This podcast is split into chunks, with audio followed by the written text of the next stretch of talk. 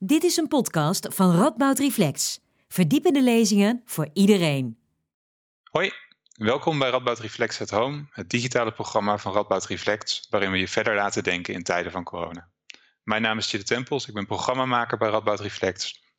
En vandaag gaan we het hebben over arbeid in crisistijd. En dat doe ik samen met cultuurfilosoof Thijs Leijster.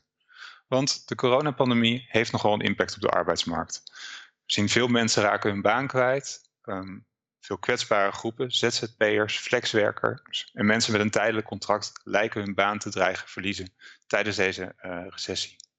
Laat deze crisis zien hoe kwetsbaar onze arbeidsmarkt daadwerkelijk is. En wat vertelt het ons over onze perceptie op arbeid en het werkende leven? Om grip te krijgen op deze vragen ga ik deze aflevering in gesprek met cultuurfilosoof Thijs Leijster. Hij is schrijver en universitair docent cultuurfilosofie aan de Rijksuniversiteit Groningen en de Universiteit van Antwerpen. In 2019 verscheen van hem het boek Verenigt u over arbeid in de 21ste eeuw, waarin hij reflecteert op de veranderende culturele betekenis van arbeid en de hedendaagse klassenstrijd. Thijs geeft eerst een korte lezing, waarna ik met hem in gesprek ga over arbeid in crisistijd. We hebben het over arbeid in coronatijd, het precariaat en rechtvaardige oplossingen om uit deze crisis te komen. Maar goed, voordat ik met hem in gesprek ga, gaan we eerst luisteren naar Thijs Lijster.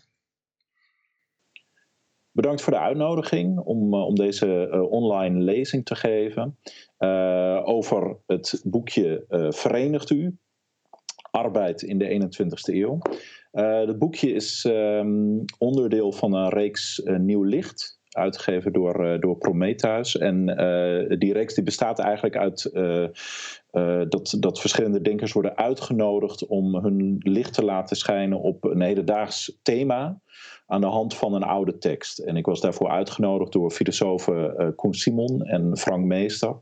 En uh, vroegen mij welke tekst zou je daarvoor willen kiezen. En ik was eigenlijk er al snel uit dat ik het communistisch manifest van uh, Karl Marx en Friedrich Engels uh, wilde, uh, wilde kiezen en daarover wilde schrijven aan, over het thema arbeid. En de reden dat ik juist die tekst koos, daar, daar waren een aantal redenen voor. De eerste was eigenlijk vanuit mijn eigen achtergrond als filosoof. Mijn, specialisatie is de cultuurfilosofie en mijn belangrijkste inspiratiebronnen zijn eigenlijk de denkers van de Frankfurter Schule, zoals Theodor Adorno en Walter Benjamin. dat zijn neo-Marxistische denkers. En ik vond het eigenlijk zelf ook interessant om terug achter die Frankfurter Schule, als het ware naar de bron te gaan, naar het werk van Karl Marx en daar weer, uh, weer eens opnieuw naar te kijken.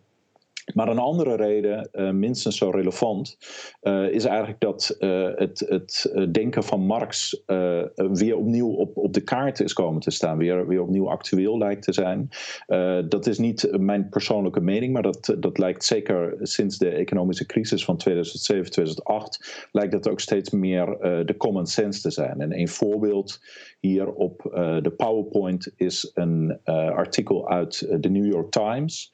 Uh, uit 2018. Happy, happy birthday, Karl Marx, you were right. Dat was de uh, 200ste uh, geboortedag van, van Karl Marx. En de New York Times, wat nou niet per se het, het meest linkse bolwerk is, zelfs, zelfs daar wordt eigenlijk gezegd dat Marx gelijk had. Nou ja, waarin had hij dan gelijk? Vooral in het feit dat het, het kapitalisme groeiende ongelijkheid schept, een groeiende kloof tussen uh, arm en rijk.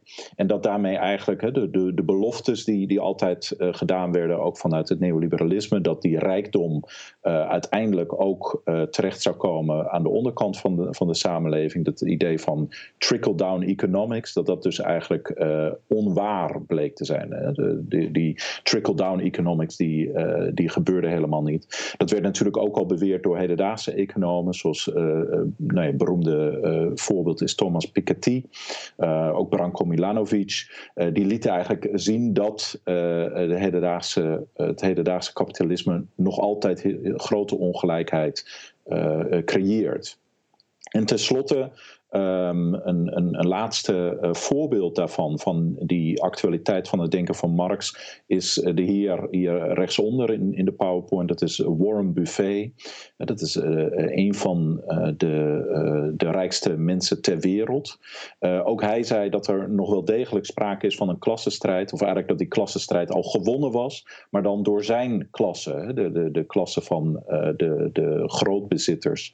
volgens sommige schattingen bezitten acht personen in de wereld evenveel uh, vermogen als de armste helft van de wereldbevolking. Hè. Dus uh, um, uh, miljarden mensen, wat, wat eigenlijk bijna een duizelingwekkend besef is.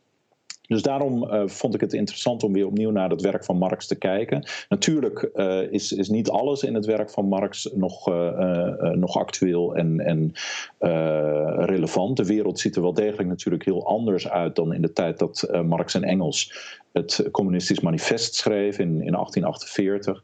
Um, en uh, een van de belangrijkste verschillen eigenlijk is uh, het, de, de uh, ja, wat je kan zeggen, de, de adressant van, van het werk. Zij schreven natuurlijk hun, hun werk aan het proletariaat. Het, het eindigt ook met de beroemde woorden: proletariërs aller landen verenigt u. Dus ze roepen de arbeiders op om, om zich te verenigen en om samen op te trekken tegen het, het kapitalisme En die arbeiders, daar ging eigenlijk mijn interesse van, uh, naar uit. Wat, is er met die arbeiders gebeurd? Hoe heeft zich dat uh, ontwikkeld? En wie noemt zich eigenlijk vandaag de dag nog uh, arbeider?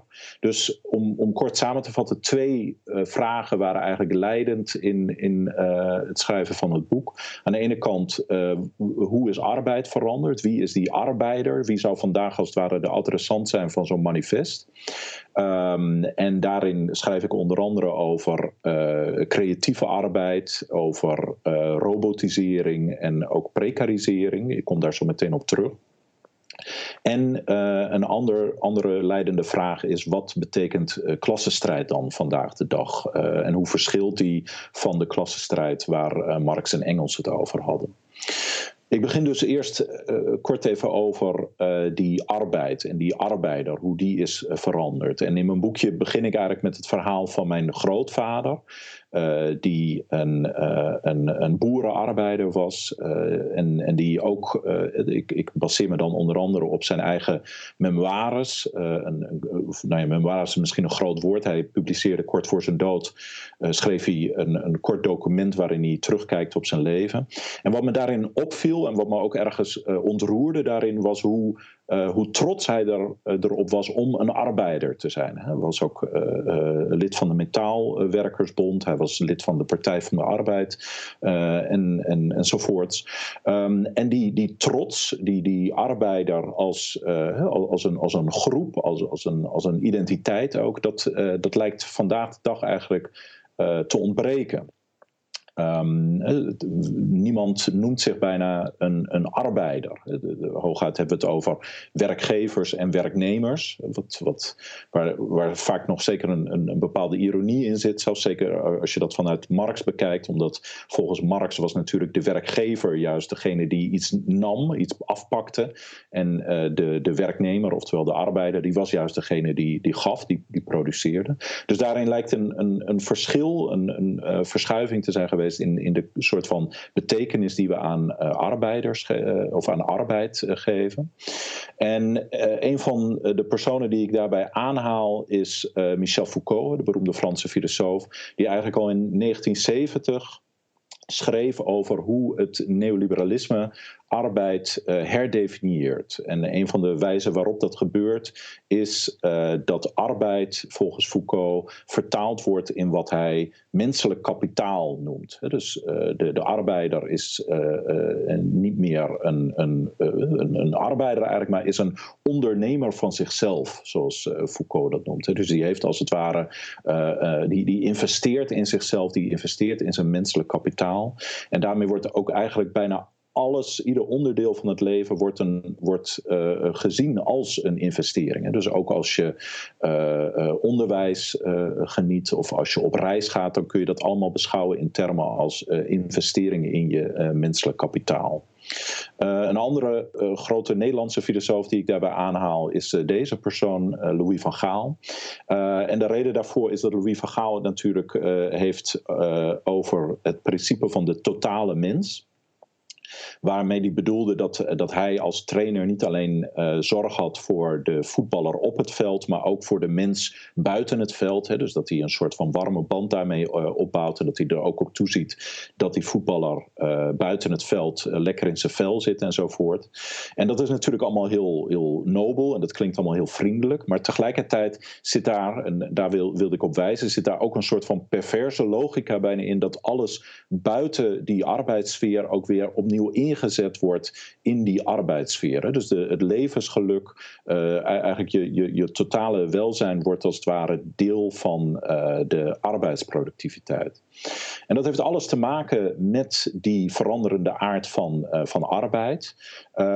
eigenlijk kun je zeggen dat waar arbeid er zeg maar 50, 60 jaar geleden nog ongeveer zo uitzag. Hè, dat is de beroemde scène uit Modern Times van, van de, de, de arbeider die aan de lopende band voortdurend dezelfde schroef aandraait. Daar ziet het er natuurlijk, eh, tegenwoordig ziet arbeid er steeds meer zo uit. Dit zijn beelden uit de, uh, het, het, hoofdcomplex van, van Google, wat eigenlijk bijna meer uitziet als een soort speeltuin, uh, waarin iedereen inderdaad in zijn zitzak uh, met, elkaar aan het, aan het kletsen is en creatief bezig is. dus je kan ook zeggen, om het een beetje gechargeerd te zeggen, dat waar vroeger kletsen verboden was tijdens het werk, daar is kletsen nu ons werk geworden. En dat, dat is natuurlijk, nogmaals, heeft het eh, vooral betrekking op een bepaald soort werk en vooral natuurlijk in de westerse wereld. Maar het hangt wel heel sterk samen met hoe we tegen onszelf ook aan zijn gaan kijken als arbeiders. En een van de dingen die ik daar ook bij onderzoek is uh, wat je kan noemen creativisme, of het, de, het imperatief om uh, creatief te zijn op je werk. Wat al lang niet meer alleen voor creatieve beroepen geldt, maar wat eigenlijk zich als een soort van olievlek ook over de samenleving heeft uitgebreid. Dat als je naar vacatures kijkt, dat overal iedereen als het ware creatief moet zijn, out of the box moet, moet denken, et cetera. Ook in de zorg en in het, in het onderwijs. En zelfs uh, deze um, vacature van, van, de, van de Subway, van de, van de broodjesketen. Daarin wordt gezocht naar een sandwich artist. Dus zelf als je daar in een, een soort fastfoodketen staan, staat, dan word je geacht om, om nog creatief te zijn. Dus die uh, aard van arbeid is veranderd. Van uh, de soort van lopende bandarbeid naar de veronderstelling dat je jezelf helemaal kan geven in je werk. Dat je creatief bent uh, in je werk. Een soort van identificatie ook met, met je arbeid. Maar dat heeft tegelijkertijd ook geleid tot precarisering. Tot, tot onzekerheid en tot een onzeker bestaan.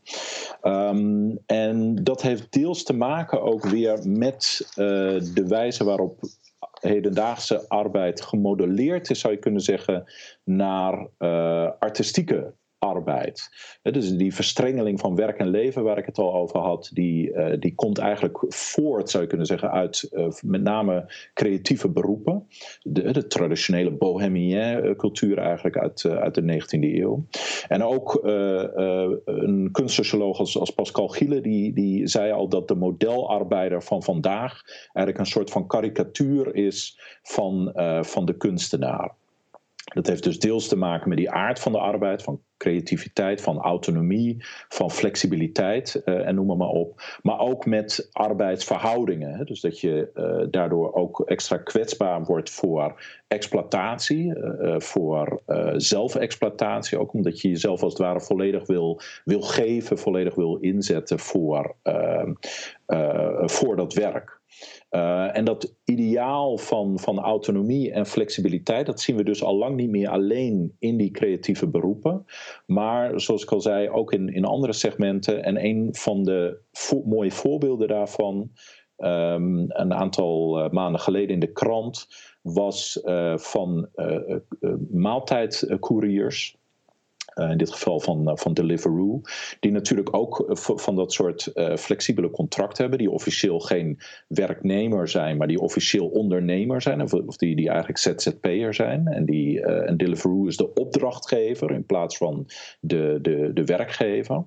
En je ziet eigenlijk bij, bij, in dit geval deze maaltijdbezorgers, dat zij als het ware dat ideaal van autonomie en ondernemerschap helemaal hebben geïnternaliseerd. Ze willen geen vast, vaste betrekking, zij willen die flexibiliteit uh, en dat zien ze ook bijna als een soort van uh, uh, ideaal. Maar het probleem daarvan is natuurlijk dat dat eigenlijk de bijl aan de wortel is van allerlei vormen van sociale zekerheid en, en solidariteit. Omdat zij natuurlijk, hè, zij kunnen die autonomie en flexibiliteit zich als het ware veroorloven, omdat ze in een, een bepaalde levensstijl hebben. Maar op het moment dat je natuurlijk een, noem maar wat, een werkende moeder bent of een, of een uh, eh, 50-plusser of zoiets dergelijks, dan is je situatie natuurlijk totaal anders. En dan uh, is die vorm van autonomie en flexibiliteit vooral een bron van onzekerheid en een bron van, van uitbuiting. Goed, dat is dus uh, een van de bronnen, zou je kunnen zeggen, van die, uh, van die precarisering. Een andere bron, en ik zal daar nu niet al te uitgebreid bij, bij stil kunnen staan, is uh, de, de robotisering. Daar horen we natuurlijk ook veel over in, in, in, de, in de afgelopen jaren. Dat er een, een dreiging is, dat, dat volgens sommige schattingen zelfs twee derde van, van de banen wereldwijd zouden verdwijnen door automatisering en, en robotisering Waardoor er eigenlijk dus een soort van nieuwe klasse, zou je kunnen zeggen, van, van surplus humans, zoals het soms wordt genoemd. Hè. Dus, dus mensen die eigenlijk geen nut, geen, geen uh, onmiddellijke functie in de samenleving betrekken en die daarmee aan, aan de onderkant van, uh, van de samenleving uh, terechtkomen.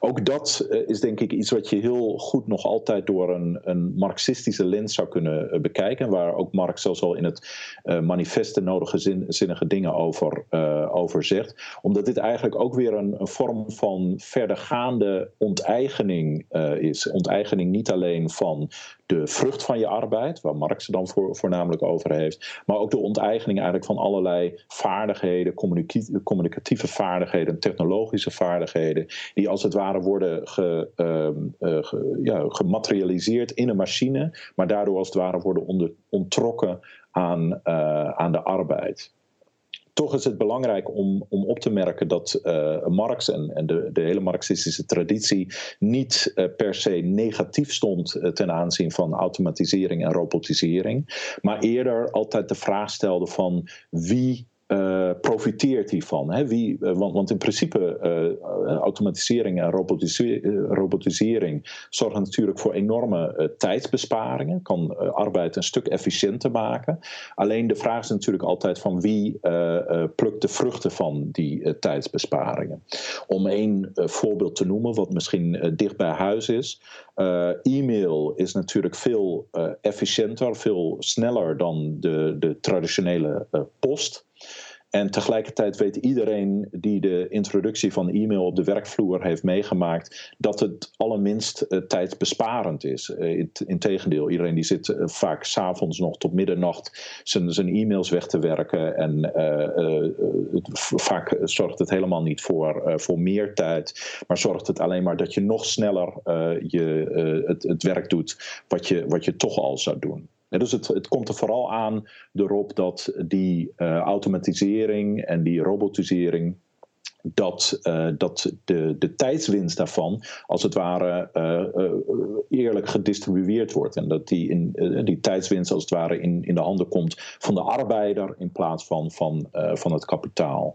En om één voorbeeld daarvan te noemen, dat is een, een hedendaagse uh, trend of, of, beweging, zou je kunnen zeggen, van uh, wat half als een grapje bedoeld is van fully automated luxury communism. Dus dat, dat, dat is een soort uh, term die op het internet furoren maakt, waar, uh, waar er wordt gesuggereerd dat als we die machine, we moeten die, die automatisering niet tegengaan, maar juist nog verder stimuleren. Alleen het moet in de handen komen van hè, de, de, de meerderheid. Uh, en uh, daarmee kunnen we eigenlijk naar een soort van postwerk samenleving, waarin we in een soort van lui-lekkerland terechtkomen. Met, met allerlei varianten ook nog, die, die soms erg interessant zijn, zoals fully automated luxury gay space communisme en, en al, allerlei subgroepen heb je daar nog.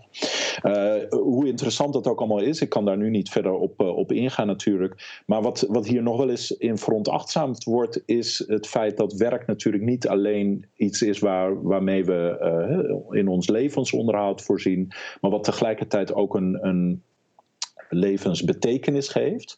En dus in die zin, het, het geheel afschaffen van werk uh, zou denk ik ook een, een, onwenselijke situatie opleveren.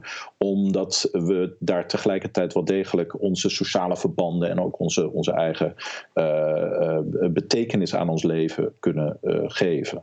Maar goed, het, het komt er dus vooral op aan van hoe, worden die, hoe wordt technologie ingezet en, hoe, en, en wie profiteert daarvan.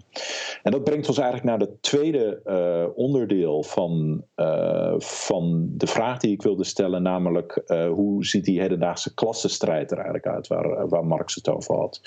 En dan is het interessant te zien dat als, je, als je naar de recente films kijkt, dan zie je dat, dat die klassenstrijd eigenlijk alomtegenwoordig is in verschillende films van um, Snowpiercer, The Hunger Games en noem maar op, zelfs tot en met de Lego Movie, waarin een arbeider ook vecht tegen de, de gemene uh, president business, zoals hij, uh, zoals hij daar heet. Uh, maar tegelijkertijd geeft ons dat niet echt heel veel handvatten van wie strijdt er nou met wie en waar, waar wordt die strijd nou eigenlijk om, om gevoerd. En dat is ook eigenlijk de, de hamvraag, zou je kunnen zeggen, van de postmarxistische uh, traditie en de postmarxistische theorie wie het uh, subject van de geschiedenis is, om het, om het in, in marxistische of eigenlijk Hegeliaanse termen te, te, zeggen. Van dat subject van de geschiedenis zijn al verschillende kandidaten geweest, zou je kunnen zeggen. de multitude wordt genoemd door filosofen Hart en Negri. Occupy had het natuurlijk over de 99%. Soms worden ongedocumenteerde asielzoekers worden genoemd als, als de, het subject van de geschiedenis. Um, een van de interessante eh, kandidaten, als het ware, die, die ik in mijn, in mijn boekje vooral uh, op de voorgrond heb, heb gebracht, is uh, wat de Britse socioloog Guy Standing het precariaat noemt. Dus in plaats van het proletariaat, het precariaat. En een van, om, om even terug te gaan naar Marx. Bij Marx was natuurlijk de reden dat hij het proletariaat als subject van de geschiedenis uh, beschouwde. Was niet zozeer omdat hij nou zo dol was op arbeiders. Maar vooral omdat die arbeiders voor hem een universele claim uh, vertegenwoordigt. En een universele claim voor menselijke emancipatie eigenlijk. Um, en ik denk eigenlijk dat vandaag de dag eerder dat precariaat een dergelijke universele claim kan uh, vertegenwoordigen. Dus wat bedoel ik dan met het precariaat? Precariaat is eigenlijk uh, een, een, een groep aan de onderkant van de samenleving, de, de, de, de, mensen die eigenlijk in, in een soort van voortdurende staat van onzekerheid verkeren. Dat zijn uh, de, de, de, de, de arbeiders waar ik het eerder over had. Dus de, de mensen met flexibele contracten, met onzekere contracten. Maar het zijn zeker niet alleen uh, lager opgeleide of lager geschoolde mensen. Evengoed zijn het creatieve arbeiders die inderdaad ook met dat soort onzekere omstandigheden te maken hebben. tot en met inderdaad ook arbeidsmigranten hè, die, die um, van, van hot her moeten reizen om een, een baan te kunnen vinden of om, een, uh, of om zichzelf van een inkomen te kunnen voorzien. Volgens uh, Guy Standing is dat ook een, een, een groeiende groep, een toenemende uh, groep. en tegelijkertijd is het niet zo eenvoudig om, om die te verenigen eigenlijk. Hè. Ik, ik heb hier een, een afbeelding van, van een oude uh, eh, eh, SDAP-poster, waarin een, een, mooie symbolische poster van die arbeider die als het ware inhakt op dat veelarmige monster van, van, het, van het kapitalisme. Um, maar dat veronderstelt natuurlijk dat die arbeiders zich, zich kunnen verenigen. In het geval van het precariaat is dat nog niet zo Um, nog niet zo eenvoudig, omdat precariaat nogal divers is. Hè. Het, het, omvat eigenlijk zeer veel verschillende groepen en zeer veel verschillende uh, um, uh, mensen. En de uitdaging zit er dus eigenlijk vooral in om, om het nogmaals in marxistische termen te zeggen, dat het precariaat verandert van een klasse aan zich naar een klasse für zich. En wat, wat daarmee bedoeld werd, dat, het, dat het precariaat weliswaar een maatschappelijke klasse kan zijn, objectief gezien, maar het moet zichzelf ook herkennen als klasse. Het moet, het moet als het ware de gemeenschappelijke belangen herkennen en de gemeenschappelijke uh, vijand, zou je kunnen zeggen. En dat, dat, dat zou kunnen gebeuren bijvoorbeeld dat, eh, op het moment dat er een soort partij voor het precariaat zou, zou worden opgericht, waarin uh, meerdere linkse bewegingen zouden kunnen opgaan. Maar het is zeker niet alleen iets wat vanuit politiek Den Haag moet gebeuren, maar wat ook uh, door bewegingen heen, vakbonden, grassroots bewegingen zou kunnen gebeuren, wanneer die als het ware niet meer allemaal voor hun particuliere belangen zouden strijden, maar als het ware de, de handen ineen zouden slaan. Uh, wat dat betreft eindigt het essay denk ik ook eerder met een soort open vraag dan met een, met een antwoord. De vraag is inderdaad vooral van, uh, of het is een oproep natuurlijk om zich te verenigen en de vraag eigenlijk van hoe dat het beste zou kunnen gebeuren. Ten slotte, om, om af te sluiten. Um, het, dit vraagstuk gaat natuurlijk voorbij um, puur problemen van ongelijkheid en van, van arbeid. Uh, en uh, gaat eigenlijk, strekt zich uit tot andere problemen, zoals we kunnen een parallel maken met, met klimaatverandering bijvoorbeeld.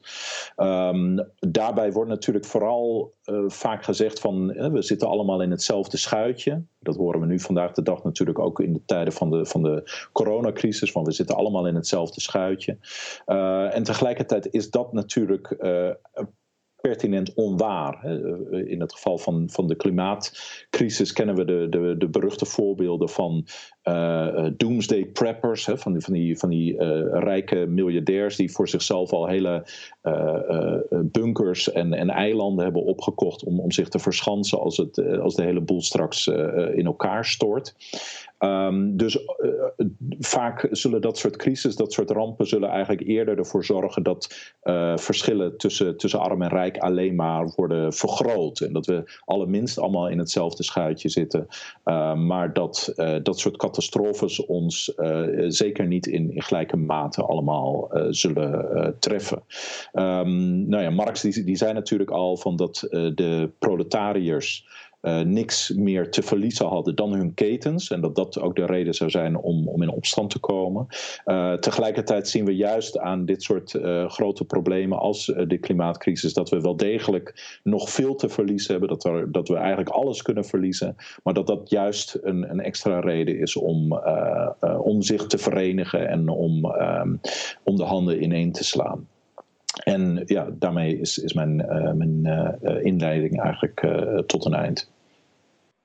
Hey Thijs, dankjewel voor je, voor je lezing. Um, ja, Verenigd natuurlijk kwam vorig jaar uit. En ik denk dat het toen al een, een, een relevant en actueel boek was als we terugkijken naar, de, naar hoe de arbeidsmarkt zich aan het ontwikkelen is.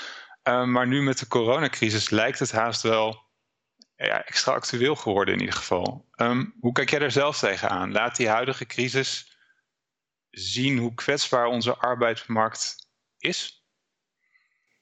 Ja, dat denk ik absoluut. Um, je zag natuurlijk dat, dat eigenlijk al heel snel in de eerste uh, weken van, uh, van de crisis, of eigenlijk zelfs de eerste dagen van de crisis, dat, dat er een situatie ontstond dat mensen in één keer van de een op de andere dag zonder, uh, zonder inkomen kwamen te zitten. En, en, en daarmee inderdaad direct in problemen kwamen met hoe kan ik de huur nog betalen, hoe kan ik de boodschappen nog betalen en noem maar op.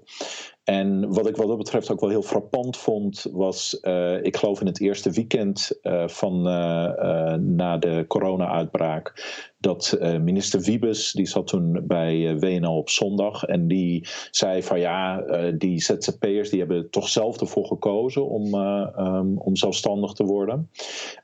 en nu ze dan in de problemen komen, is dat ook eigenlijk hun eigen schuld. Nou, daar viel toen iedereen onmiddellijk overheen. Iedereen die was daar heel erg uh, boos over. En terecht ook, uh, natuurlijk. En daar moest hij ook heel gauw op terugkomen. En kort daarna kwam toen dat, uh, dat noodpakket voor, voor zelfstandigen. Ehm, en daarin zag je eigenlijk dat in de, inderdaad die, die kwetsbaarheid van, van dit soort groepen uh, heel erg scherp in beeld kwam. En, en, dat er inderdaad ook, ook onmiddellijk werd gezien dat daar iets aan, aan moest gebeuren. Dat, dat, dat je die niet aan hun lot kon, uh, kon overlaten. Maar dat, dat er inderdaad zoveel mensen kennelijk waren in, in dat soort situaties, dat zegt inderdaad, dat bevestigt eigenlijk heel, heel erg de, de, de boodschap ook van, van het boekje. Ja. Ja, precies. Er zitten volgens mij twee dingen in. zowel die kwetsbaarheid, daar wou ik zo op terugkomen. Maar ehm, wat je zei over minister Wiebes, dat hij zei, ja, die ZZP'ers, dat is toch een eigen keuze. Ehm, je gaf net zelf aan in je lezing, die mensen van Deliveroo, die in de Volkskrant stonden, die zeiden, ja, maar dit is onze eigen keuze. Is, ja. op, op wat, waarom, hoe zou je dat duiden? Is het, is, het, is het niet een eigen keuze? En zo nee, inderdaad, als dat inderdaad het geval is, waarom dan niet? Nou, kijk, um, in, in, puur objectief gezien is het hun eigen keuze natuurlijk. Hè? Of althans, voor, voor, uh, voor sommige mensen is, is het een eigen keuze om, om zelfstandig te worden.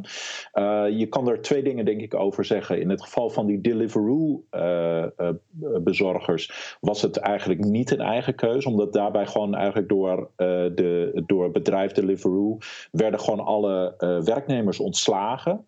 En die werden vervolgens als, als opdrachtnemers werden die die aangenomen. Dus het is gewoon hoe een, een bedrijf gestructureerd is. En, en je ziet natuurlijk dat uh, in de zorg en in onderwijs en in de bouw en noem maar, op, dat het steeds meer op, op die manier gaat functioneren. Dus uh, in die zin is het niet een keuze, ook bij, uh, denk aan de taxidienst Uber. Voor, voor, voor taxichauffeurs van Uber is het niet een keuze om zelfstandig te zijn. Dat is gewoon de, de wijze waarop dat bedrijf is ingericht. Um, en daarnaast zit er natuurlijk ook een soort van, uh, hoe moet je het zeggen, een soort van uh, ideologie van uh, autonomie en zelfstandigheid, waar de loftrompet van, van, wordt, van wordt, wordt gezongen. De, de, de, de gedachte dat je jezelf op de borst klopt omdat je autonoom bent en, en omdat je flexibel bent. En natuurlijk is dat nog altijd een, kan dat nog altijd een keuze zijn. Alleen waar ik op wil wijzen is dat er achter dat soort keuzes vaak ook allerlei waardes, waardes liggen die, die cultureel bepaald zijn. En, die, en waarbij ik het dan interessant vind om, om na te denken van ja, maar wiens belang dient dat eigenlijk? Hè? In, in, in, in welk belang is die autonomie en die zelfredzaamheid en die zelfstandigheid zo, uh, zo prominent geworden? Ja, precies. Ja, dus, dus dat, dat, dat, dat neemt Wiebes dan niet mee in die, in die eerdere analyses. Oké. Okay. Ehm, wat ik me ook afvroeg, want we hadden het over die. Je hebt het over het proletariaat, je hebt het over het precariaat. Nou, precair impliceert een soort kwetsbaarheid. Hoe, hoe kunnen we die kwetsbaarheid begrijpen? Ik kan me voorstellen dat daar verschillende niveaus in zitten, misschien wel. Ja, zonder meer. En, en um, kijk, er zijn ook verschillende theorieën en, en, verschillende denkers die daar het een en ander over hebben gezegd. Bij, bij Judith Butler bijvoorbeeld, die definieert eigenlijk een menselijk bestaan zelf als uh, fundamenteel precair. Uh, in, in die zin dat we voor ons voortbestaan natuurlijk altijd uh, fundamenteel afhankelijk zijn van uh, de zorg van, uh, van anderen en, en ook voor het bestaan van anderen. En nou ja, goed, als, als deze coronacrisis iets duidelijk maakt, dan, dan is dat in, inderdaad ook wel die fundamentele precariteit of de kwetsbaarheid van, van een ieder eigenlijk. Waarmee natuurlijk nog niet gezegd is, nogmaals, dat, dat iedereen in hetzelfde schuitje zit. Ook al, ook al is er misschien die soort van existentiële kwetsbaarheid, daarmee daarnaast zijn er natuurlijk ook nog vormen van economische kwetsbaarheid. En ook daarbij kun je dan, dat kun je nog weer uitsplitsen bij, bij Guy Standing bijvoorbeeld, die maakt dan nog weer onderscheid tussen ehm, bijvoorbeeld um, baanzekerheid of inkomstenzekerheid. Dus misschien kun je wel de zekerheid hebben van een vaste betrekking, maar daarmee nog altijd onvoldoende inkomen op de lange termijn om in je levensonderhoud te voorzien, de zogenaamde working poor dus ook op het moment dat je wel een, een vast contract hebt, betekent dat nog niet eens per se dat je in een uh, situatie van, uh, van zekerheid uh, verkeert. en andersom is het natuurlijk ook zo dat niet iedere ZZP'er noodzakelijk een, in, een, in een kwetsbare positie zit. Want sommige mensen die hebben misschien nog wel voldoende inkomen, voldoende spaargeld of, of noem maar, maar op, om in hun levensonderhoud te voorzien. Dus in die zin zijn er inderdaad, zoals je zegt, heel veel verschillende niveaus van, van, van kwetsbaarheid. Ja, ja, precies. En is het dan ook zo, want um, de, zou je ook een soort stapeling kunnen zien van verschillende vormen van, van kwetsbaarheid? Want nou, aan de ene kant kan je zeggen van die Deliveroo-medewerkers die hadden het heel zwaar, die, of, hadden het in die, in die zin was het precair omdat ze in een soort geforceerd ZZP-schap werden gedwongen. Die doen het nu juist heel, die hebben nu werk te over, dus economisch gaat het best wel prima. Um, maar ja, ze moeten natuurlijk wel de straat op. Dus dus is die precariteit, kan dat, dat, het kan economisch kwetsbaar zijn, maar kan je het ook uh, begrijpen in termen van gezondheid bijvoorbeeld? Ja, zonder meer. En, en ik denk dat in veel gevallen hangen die dingen ook samen natuurlijk. Hè. Als je nogmaals die, het voorbeeld uh, neemt van de Deliveroo-medewerker. Uh, um, aan de ene kant, want je zegt van die, dat is nu booming, iedereen die laatste maaltijd bezorgen. En dat, daar, daar zit wel een kern van waarheid in. Alleen degene die daarvan profiteert is natuurlijk vooral het bedrijf Deliveroo uh, zelf. En, en in mindere mate waarschijnlijk die, uh, die bezorger. En daar komt nog bij dat als die bezorger uh, zoals je zegt, hè, die moet de straat op. Die loopt daarmee dus inderdaad ook uh, dan uh, direct een grotere kans om, um, om het virus op te lopen. Misschien loopt hij op dit moment minder kans om van de sokken gereden te worden. Maar hij loopt wel een grotere kans om, om het virus op te lopen. En op het moment dat hij dan thuis komt te zitten. Um, dat hij dan um, ziek is, dan kan hij natuurlijk niet van allerlei verlofvoorzieningen uh, gebruik maken wat wel zo zou kunnen op het moment dat je een vast contract hebt. Omdat hij een ondernemer is. En inderdaad, hè, dat, dat, dat verlies dan als het ware moet, moet nemen. Dus dan zit je inderdaad automatisch alweer uh, zonder, uh, zonder inkomsten. En dus vaak hangen die uh, precariteit van. Uh, van, van gezondheid, van, van banen, van inkomen, die, die hangen vaak heel nauw met elkaar samen. -hmm. ja, ja, precies. En, en tot slot over, over, dit, over dit thema. Denk je nou ook dat de groep precaire nu groeit? Of is het meer een soort ontmaskering van het feit dat er eigenlijk gewoon heel veel, heel veel werkende mensen in een kwetsbare positie zitten? Ja, in, in eerste instantie uh, het laatste. Dus we, het, het komt nu vooral heel erg scherp in beeld. Hè. Het, het, het is in één keer alsof je een soort van contrastvloeistof als het ware loslaat in, in de samenleving, waardoor in één keer die, die uh, kwetsbare posities heel erg in het oog springen. Wat je andere vraag betreft, van zal het, neemt het toe?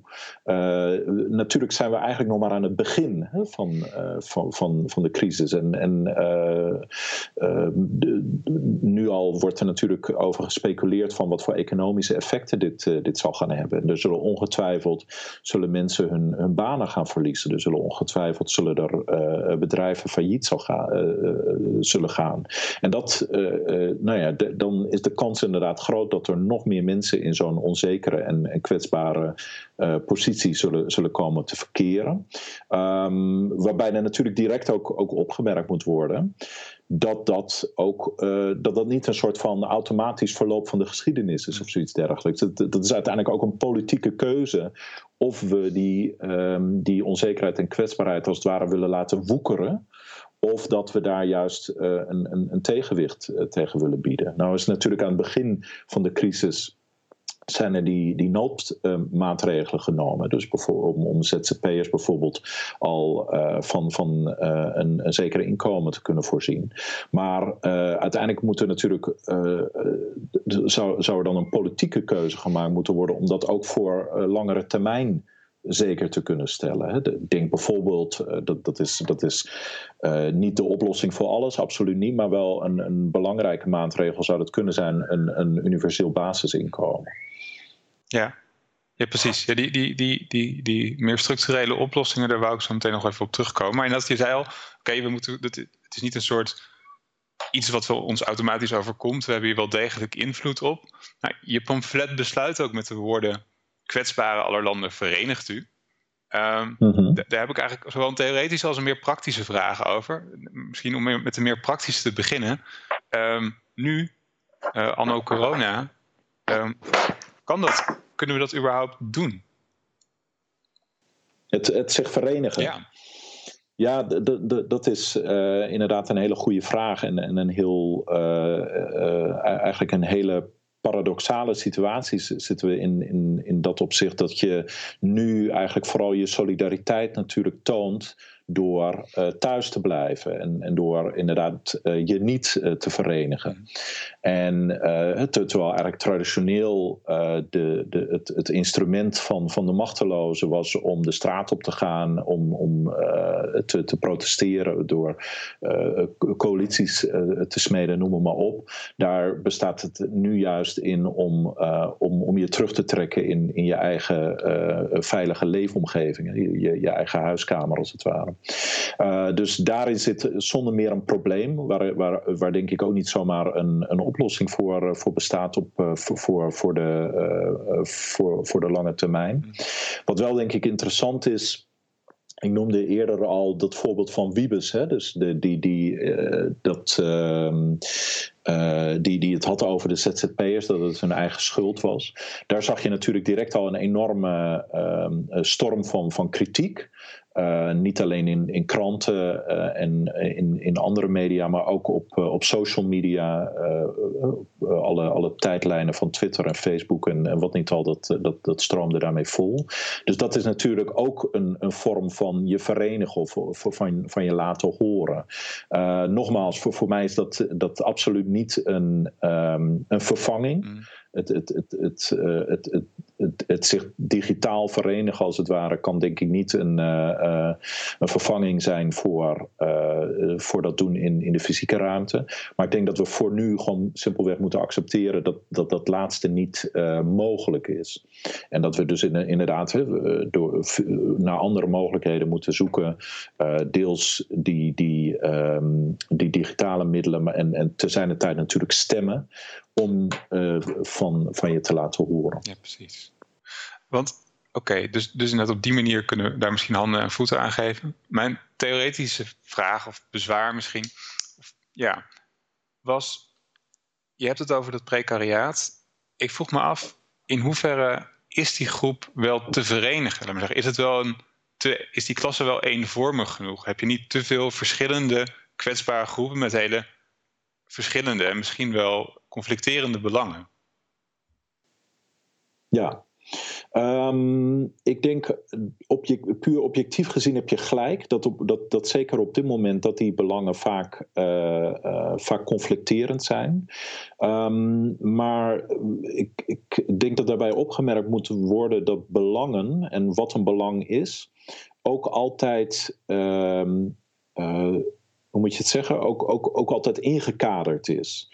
Uh, ook altijd op een bepaalde manier geframed wordt.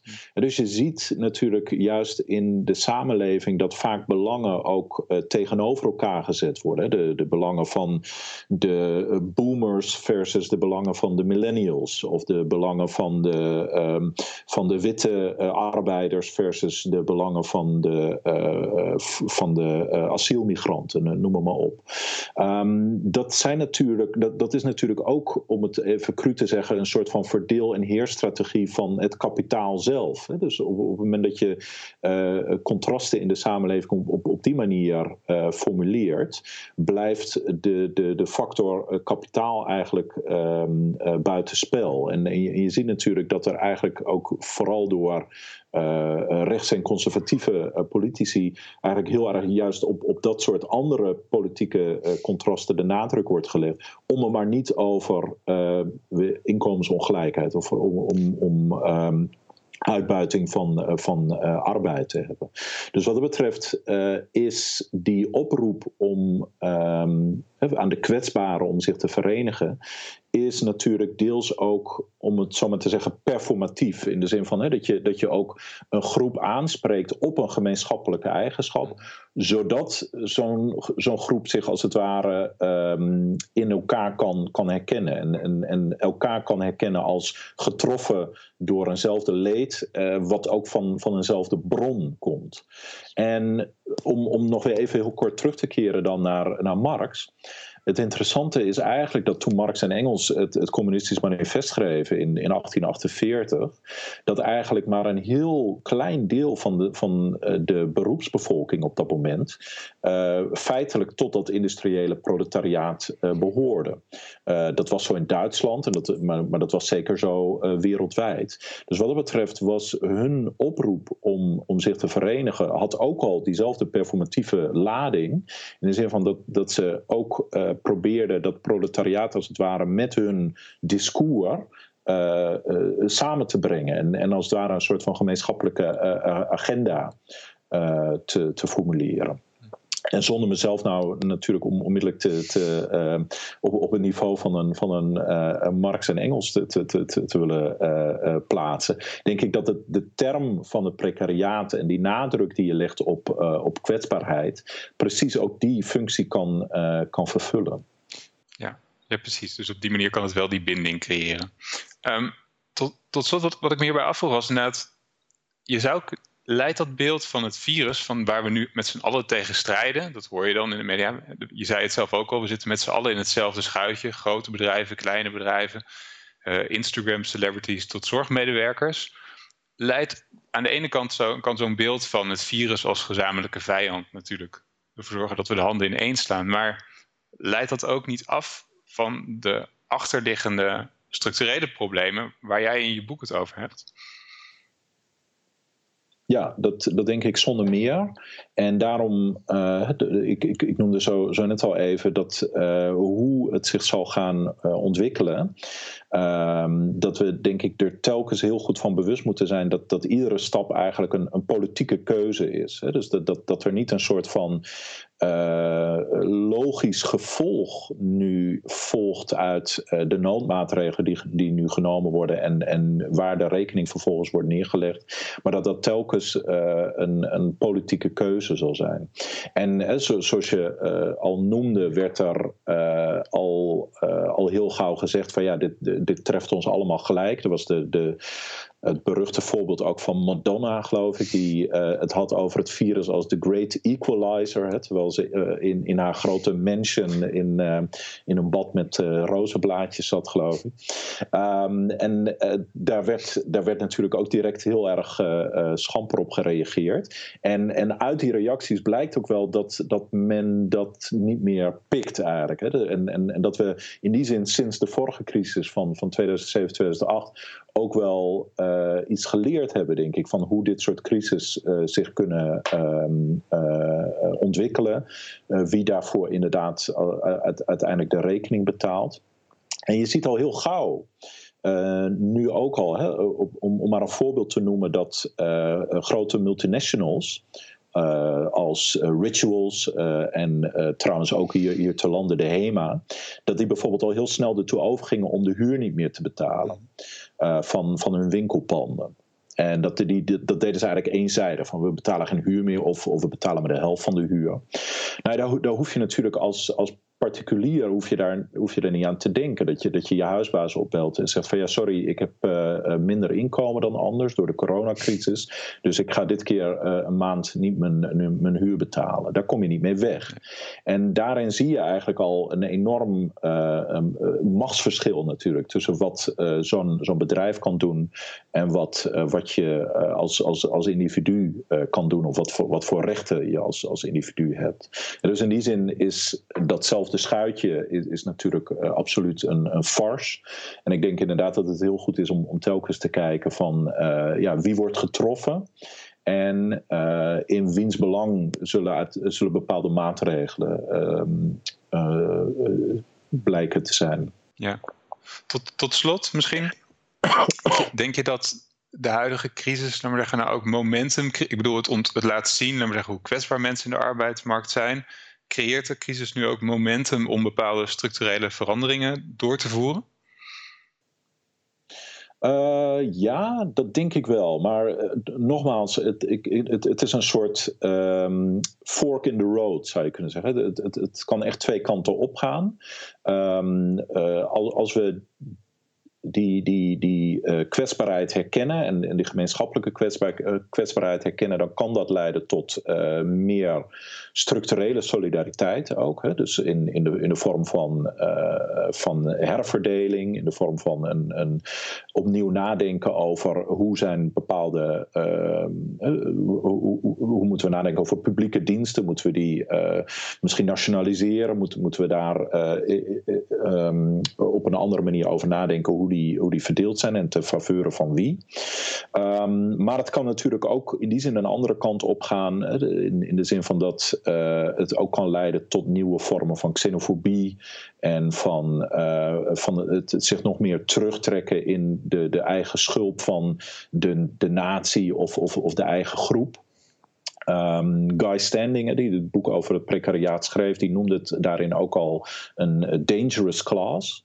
En daarmee bedoelde hij inderdaad ook dat het precariaat ook uh, juist door die onzekerheid heel eenvoudig um, uh, voor het karretje gespannen kan worden van allerlei rechtse volksmenners of, of autoritaire bewegingen. Dus in, in die zin um, uh, kan ik daar moeilijk een voorspelling over doen. En, en nogmaals, zal dat niet een soort van automatisch verloop hebben, maar moeten we denk ik telkens uh, in, in, inderdaad voor ogen houden dat er politieke keuzes te maken vallen. En, en, en dat, dat, dat dat inderdaad echt twee kanten op kan gaan. Ofwel naar een wereld die, die meer solidair is en waar, waar, waarin je inderdaad als kwetsbare de handen ineen slaat, ofwel naar juist een, een, een meer uh, uh, ja, autoritaire en, en vijandig gezinde samenleving. Het is misschien flauw dat ik zeg van ja, het, het, het kan vriezen of het kan dooien, want dan heb je altijd gelijk. Alleen wat ik vooral wil benadrukken is dat er, is dat, dat de politieke keuze is die, die gemaakt zal moeten worden in de komende jaren. Precies. Oké, ja, we gaan zien welk pad we gaan inslaan. Het is misschien goed om te, ons daaraan te herinneren dat we zelf daar politieke invloed op kunnen uitoefenen. Thijs, ja. ik um, wil heel erg bedanken voor je lezing en voor, voor dit gesprek nog. Um, ja, graag gedaan. Het, het gaf een, uh, ik denk dat het altijd goed is om, om terug te kijken naar de basis. En uh, in dit geval om dit te doen met Marx en Hegel was heel erg uh, verhelderend. Dus nogmaals heel erg bedankt en ik hoop dat je in de toekomst nog een keer wil aansluiten. Absoluut. En dan, dan graag in, uh, in Nijmegen zelf natuurlijk. Yes, in real life. Dankjewel. Mm -hmm. Ja, graag gedaan. Vond je dit nu interessant en ben je benieuwd naar meer van ons? Like dan deze video en abonneer je op ons YouTube kanaal. Hou ook onze website in de gaten. www.ru.nl radboutreflects En volg ons op social media. Tot de volgende keer.